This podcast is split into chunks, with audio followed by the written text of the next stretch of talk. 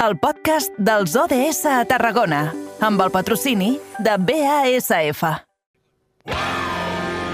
Давай, ребята, du Mero, dagegen nüchtern dein Rausch. Die Russen sind dann nach einem Tagesmarsch. Legen wir los mit Energieaustausch. Come on, everybody, perfect, dein Arsch. Двигай плечами, ooh yeah. Руками, ногами, ooh yeah. Бедро кругалями, ooh Lilli Berger, jag fikar.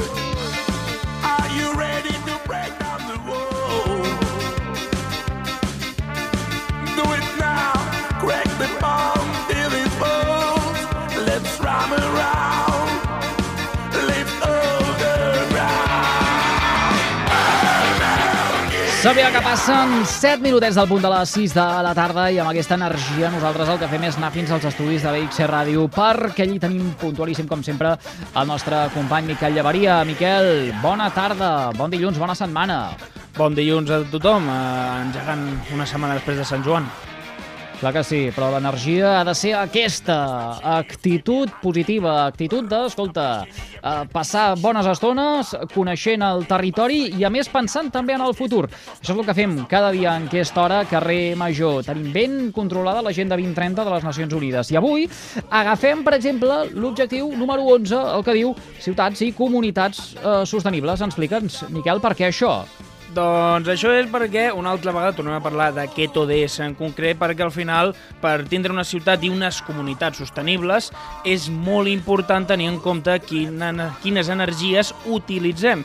I és que un estudi del grup de recerca d'anàlisi territorial i estudis turístics de la USB, que va ser presentat el passat dimarts a Vilaseca, assegura que la demarcació de Tarragona podria ser autosuficient d'energia elèctrica a través de només energies renovables. A més, també assegura que més d'un 90% dels 184 municipis que, que formen la demarcació podrien ser excedentaris i d'altres, com Tarragona, el Morell o la Pobla de, Fa de Mafumet, entre d'altres, no podrien arribar a ser autosuficients, però que sí que d'entre d'altres excedents podrien arribar a ser-ho. Per a tenir més detalls no, de, de tot aquest entrellat, tenim amb nosaltres l'investigador del Departament de Geografia de la Universitat Rovira i Virgili, el senyor Sergi Saladier. Molt bona tarda. Hola, bona tarda. Per començar, hi ha un punt que hem d'entendre sobre tot això, i és que la instal·lació d'energies renovables, com suposo plaques fotovoltaiques, té uns certs límits a través de legislació, com per exemple la llei 16 barra 2017 en el seu punt 1, apartat B de l'article 19, parla de certes zones on seria millor col·locar-les o no. Per tant, aquest estudi entenc que segueix certs criteris, no? Com pot ser criteris legals? Sí, aquí bàsicament el que hem intentat traslladar és eh, veure si a nivell tècnic, eh, a nivell d'espai suficient dins del que són els entorns urbans, és a dir, taulades, eh, després entorns urbans o espais urbans pròpiament, eh, aparcaments, places, eh, carrers i en, espais periurbans, seria possible instal·lar energies renovables, fonamentalment, com heu dit, fotovoltaica i també petita eòlica, en el cas de l'espai periurbà, a la vora dels pobles, fins a 500 metres de distància, i veure si d'aquesta manera podríem donar compliment al, al precepte que diu l'article 19 de la Llei de Canvi Climàtic de l'any 2017, que es va aprovar al Parlament, que diu que la transició energètica l'hem de fer eh, de base distribuïda, de, és a dir, passar de poques centrals grans a moltes centrals petites, que s'ha de fer, en un segon punt, diu, eh, de proximitat, és a dir, aproximant els centres de producció als centres de consum, i en tercer lloc, utilitzant espais ja alterats abans d'anar a ocupar altres espais, doncs, com són els espais agraris, els espais forestals. I aquest ha sigut una mica l'objectiu eh, del nostre estudi d'investigació, de veure això, si quina és la capacitat de generar electricitat a través de fonts renovables instal·lades en entorns urbans dels 184 municipis de la demarcació de Tarragona. Uh -huh, I entenem també de que la instal·lació de totes aquestes, per exemple, plaques fotovoltaiques o a nivell eòlic una miqueta més petit, té, comporta un capital econòmic molt important. Heu fet ja algun càlcul de la inversió que suposo que tindrien que afrontar entre diferents agents del territori? No, nosaltres aquest estudi no, no l'han fet. Eh, quan fas un estudi d'investigació per a l'aprofitament d'energies renovables, hi ha tres nivells d'anàlisi. Un primer seria molt general, que és eh, calcular l'energia que tu tens disponible, és a dir, calcular quanta radiació solar, quant, calcular quanta energia eòlica, en el cas de fer bons renovables. Això és un primer nivell que et pots quedar aquí, de dir, vale, d'acord, ens arriben doncs, tantes hores de sol, això es pot traduir a tants quilowatts, això és un, un anàlisi teòric, es diu. Hi ha un segon nivell, que és l'anàlisi tècnic, que és el que han fet naltros, que és aquest potencial teòric, quin espai necessita i com lo podem captar, és a dir, quins eh, taulats tenim, quins espais periurbans tenim, quins espais urbans tenim, i aquí quantes plaques hi cabrien o quants petits aerogeneradors hi cabrien. Aquest és el nostre estudi, és veure aquest potencial tècnic de dir, a través de l'energia que nosaltres tenim disponible a cada un dels diferents municipis, quants artefactes no, eh, en forma de plaques o d'aerogeneradors hi podem arribar a instal·lar i a, a, partir d'aquí també poder calcular quan mos produirien d'energia elèctrica al cap de l'any aquests artefactes instal·lats i finalment el que han fet és un tercer nivell d'anàlisi, diguéssim, que és veure aquesta producció eh, que ens podria donar l'explotació de tot aquest potencial, eh, quan podria cobrir de la demanda elèctrica de cada un dels municipis, tant de l'actualitat com projectat en diferents escenaris de cara a l'any 2030.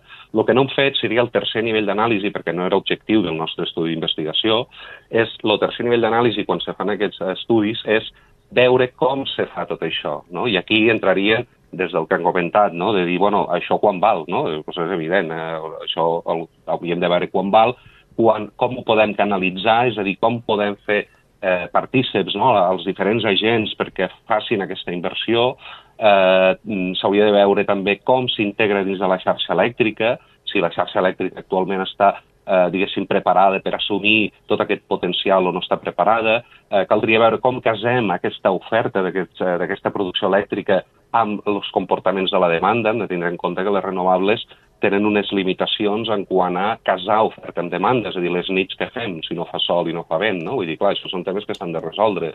També hi ha temes eh, que s'han de resoldre doncs, de caràcter paisatgístic, de caràcter urbanístic, és a dir, eh, hi ha, hi ha un, un tercer nivell d'anàlisi, que ja dic, no era objecte del nostre estudi, que és de dir, aquest potencial que ara ja coneixem, com lo podem dur a la pràctica. I això forma part dels reptes d'investigació que nosaltres també tenim plantejats i que volem continuar investigant i volem continuar aprofundint per veure com podem traslladar a la realitat, en pocs anys, aquest potencial que ara ja coneixem, no? i com heu dit, doncs, eh, és, diguéssim, mm. molt generós i que podria permetre, doncs, això, cobrir una part molt important, com, com a mínim del 90% de municipis, de la, de la demanda elèctrica que actualment tenen i fins i tot de la de l'any 30, també. Senyor Saladier, eh, quan eh, parlen d'aquest 90% dels 184 municipis eh, de la demarcació que podrien arribar a ser eh, excedentaris, eh, en quin tipus de terrenys es fixen a l'hora d'implementar precisament tots aquests eh, sistemes de eh, captació eh, per eh, ser transformada eh, en energia eh, elèctrica? Eh, eh, fan referència com, per exemple, han manifestat alguns grups conservacionistes o ecologistes del nostre territori en taular teulades de polígons industrials en vorals, per exemple, de la eh, xarxa eh, viària del territori? Nosaltres, com, com he dit al començament, el que hem volgut és veure aquest potencial, si, quin seria, d'acord al, al que diu l'article 19 de la llei de canvi climàtic, que, com li diria, doncs era, o, el que diu i afirma dia d'avui, encara és vigent aquesta llei, doncs que la, la transició energètica l'hem de fer utilitzant espais alterats. No? Llavors, nosaltres el que hem mirat és això, eh, quins són aquests espais alterats i hem entès que els espais alterats doncs, són els espais urbans, eh, des del punt de vista de que és difícil no? els puguem reconvertir a un espai agrari o un espai forestal, són espais ja, diguéssim, alterats des del punt de vista de la lògica natural del, del, dels ecosistemes, i el que han fet és calcular en aquests tres punts, no? eh, en taulada, per una banda, és a dir, quin és el potencial de taulada, i aquí s'inclouria des de les taulades eh, domèstiques o residencials fins a les taulades industrials, eh, veure també quin, quina possibilitat hi ha amb uns aprofitaments molt continguts, només d'un 10% del, de l'aprofitament, de quins són els espais urbans, com diria, doncs, eh, passejos, places, parcs, jardins, espais lliures, eh, urbans solars, no? és a dir, llocs de dins de l'espai urbà que poden tindre una certa eh, integració no? d'aquestes eh, energies renovables amb, amb un aprofitament molt petit, com diria, i després el que han mirat és a l'entorn dels nuclis urbans, el que es coneix com a espais periurbans, que és on sovint i acostumem a tindre bastants espais degradats o alterats, perquè bé són espais que s'han abandonat perquè estan a l'expectativa de ser urbanitzats, alguns fins i tot urbanitzables però que porten a la millor 20 anys allà doncs, per ser urbanitzats però encara no ho són, es, espais doncs, d'herbassars, matollars, no? tots aquests espais que podem entendre com a, com a més degradats de la, dels entorns urbans, sense tocar ni un pam d'espai de, agrari, ni tocar un pam d'espai de valor natural, ni tocar cap espai que estigui protegit per alguna cosa, veure amb tots aquests tres tipus d'espais, és a dir, taulades, espais urbans i espais periurbans degradats, quin seria aquest potencial. Per tant, no hem anat més enllà de, de, de calcular el que podria arribar a cabre amb espais agraris o espais eh, naturals, aquí no hi hem entrat, nosaltres ens hem circunscrit el que són els nuclis urbans i el seu entorn de 500 metres. Uh -huh. eh, I, senyor Saladier, eh, per un costat, tenim un, uns certs municipis, la majoria dieu que poden arribar a ser excedentaris, però hi ha uns certs municipis com Tarragona, la Riba, l'Arbós, la Selva del Camp i el Morell que no arriben ni a cobrir el 50% de la seva pròpia demanda elèctrica i d'altres com Vilallonga del Camp, Montblanc o Salou se queden molt a prop del 100% però no arriben a ser eh, autosuficients. Suposo que la resposta seria de que aquests fossin mm, alimentats a través també dels excedents d'altres municipis veïns, però hem de pensar que al final el 100% de la demanda elèctrica d'un municipi, d'una ciutat com Tarragona, no és, per exemple, el 100% d'un altre municipi com, per dir un nom, Montblanc. Realment, vostè creu que eh, uns municipis podrien arribar a cobrir les deficiències d'altres? Sí, perquè globalment el potencial que ens surt en altres tècnic, eh, com vam dir, altra cosa seria com fem possible tot això, eh? però a nivell tècnic el potencial que ens surt és de, de que la, la demarcació de Tarragona, fent aquests aprofitaments d'espais de, degradats, espais urbans, podria arribar a assolir un 130% de la demanda que té actualment. Per tant, podria fer el 100% i encara en sobraria un 30%, no? De la demanda anual. Eh? L'altra cosa és, com hem dit, això com ho casaríem a la demanda intradiària, no? Oscil·la eh, dia-nit, no? el consum d'electricitat, com oscil·la també al llarg de l'any, no? Les diferents estacions consumint diferent d'electricitat eh, als estius i hiverns molta, més que no pas a la tardor i a la primavera, no? I, i tot això, evidentment, caldria casar-ho des del punt de vista de la integració a la xarxa. Però tècnicament, tècnicament sí que tindríem aquest 130% o 134%, per ser més exactes, d'excedent, no? I, per tant, globalment, eh, la, la, la demarcació, si fes l'aprofitament de tot aquest potencial, podria, doncs, això, arribar a fer més electricitat de la que realment necessitaria al cap de l'any. I, per tant, dins de la, de la demarcació, com hem dit, hi ha un, un 10%, un, un 6%, depèn del, dels escenaris, no? de municipis que serien deficitaris sempre, com són aquests que, que heu esmentat, entre d'altres, no? que aquests mai poden arribar a cobrir perquè amb, los, amb la demanda, perquè amb els nostres càlculs, que hem calculat això només els aprofitaments dels espais considerats alterats o degradats, eh, no, no tenen espai suficient. Això no vol dir que a, altres parts del terme en poguessin tindre, no? però amb aquests càlculs que nosaltres hem fet, amb espais degradats no tindrien su suficient espai disponible per abastir tota la demanda que tenen. I com ja pels noms heu dit, no, la gent ja es pot fer una mica la idea de quina tipologia de municipis són. No? Majoritàriament són això, municipis mitjans o petits, però que tenen una, una activitat industrial molt important, amb consums molt importants d'electricitat. La Riba, per exemple, doncs, té papereres, que consumeixen molta electricitat, Morella i la Pobla de Mafumet, doncs, com sabem, tenen la refineria que consumeix molta electricitat. De fet, perquè els oients se facin una idea, a la demarcació de Tarragona hi ha quatre municipis, que són Reus, Tarragona, Morell i la Pobla de Mafumet, que consumeixen anualment més electricitat que la suma dels 184 municipis restants perquè la gent entengui una miqueta la magnitud del consum elèctric que representa bàsicament el complex eh, industrial químic de, de Tarragona i voltants. No? I, I això, diguéssim, després se, se troba també en altres petits municipis, com han dit la Riba, l'Arbós, la Selva, no? que són municipis amb una realment o relativament continguda, però que tenen unes indústries amb uns consums d'electricitat molt gran i, per tant, no tenen espai, d'acord als nostres càlculs, suficient com per acollir prou plaques o prou generadors per cobrir tota aquesta demanda. Però, mm. com hem dit, doncs, si amb un escenari hipotètic tot això es pogués arribar a tirar endavant, no hi hauria problema que municipis de l'entorn poguessin subministrar a aquests municipis aquest dèficit que, que tindrien no? per no poder ells cobrir-se'l des, de, des del punt de vista del nostre estudi. Ja dic, pot ser que algun d'aquests municipis, fora dels espais urbans, tingui altres espais degradats que nosaltres no els hem considerat en aquest estudi, jo que sé, una, una pedrera abandonada, un, un lloc doncs, degradat pel que sigui, un camp de futbol que no fan servir que està a dos quilòmetres del poble, no ho sé, eh, per posar uns exemples, i que allà poguessin fer aquests aprofitaments. Això nosaltres no ho hem calculat perquè, com diem, ens hem volgut centrar només en el que és l'entorn estrictament urbà. I aquests municipis doncs, no reuneixen això prou eh, superfícies per poder instal·lar prous plaques perquè cobreixi aquesta demanda tan gran que tenen que, que no genera el poble com a tal, eh, sinó que generen unes indústries que, que, que estan en aquests municipis.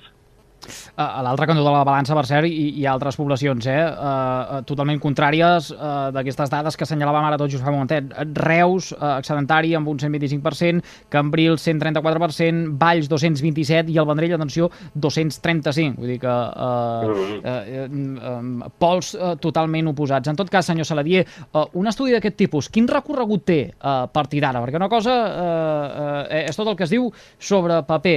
L'altra és que uh, una administració o qui correspongui agafi l'estudi i comenci a treballar precisament eh, ara que eh, estem pensant en l'agenda de les Nacions Unides i en aquesta autosuficiència i en aquestes eh, renovables que estan en boca de tothom eh, i generen tant de debat. Correcte, aquesta és la pregunta del millor. És a dir, nosaltres el que hem volgut amb aquest estudi és, d'alguna manera, obtindre uns resultats que pensem que, doncs, com ja hem explicat, doncs, són molt positius no? per poder fer una transició de, molt alineada i molt d'acord amb el que diu l'article la, 19 de la llei de canvi climàtic. No? És a dir, intentar fer una transició ben feta, no? És a dir, que per vestir un sant no en desvestim un altre, és a dir, que per fer la transició haguem de consumir espais agraris, eh, per fer la transició haguem de consumir espais naturals, sinó que fent la transició utilitzant espais alterats n'hi hauria suficient no? com per poder plantejar-nos fer-ho bé, no? que és una mica l'objectiu d'aquesta llei de canvi climàtic que tenim, no? que és a banda d'assolir uns objectius, no? que és cobrir el 50% de tota la demanda elèctrica l'any 30, d'aquí 8 anys, i ara estem al 15-20%, per tant queda un camí molt, molt, molt important per recórrer, doncs que a més a més ho intentem fer de la manera més sostenible possible, no? menos, eh, afectant lo menys possible a altres tipus d'espais més enllà d'aquells que estan, que estan degradats.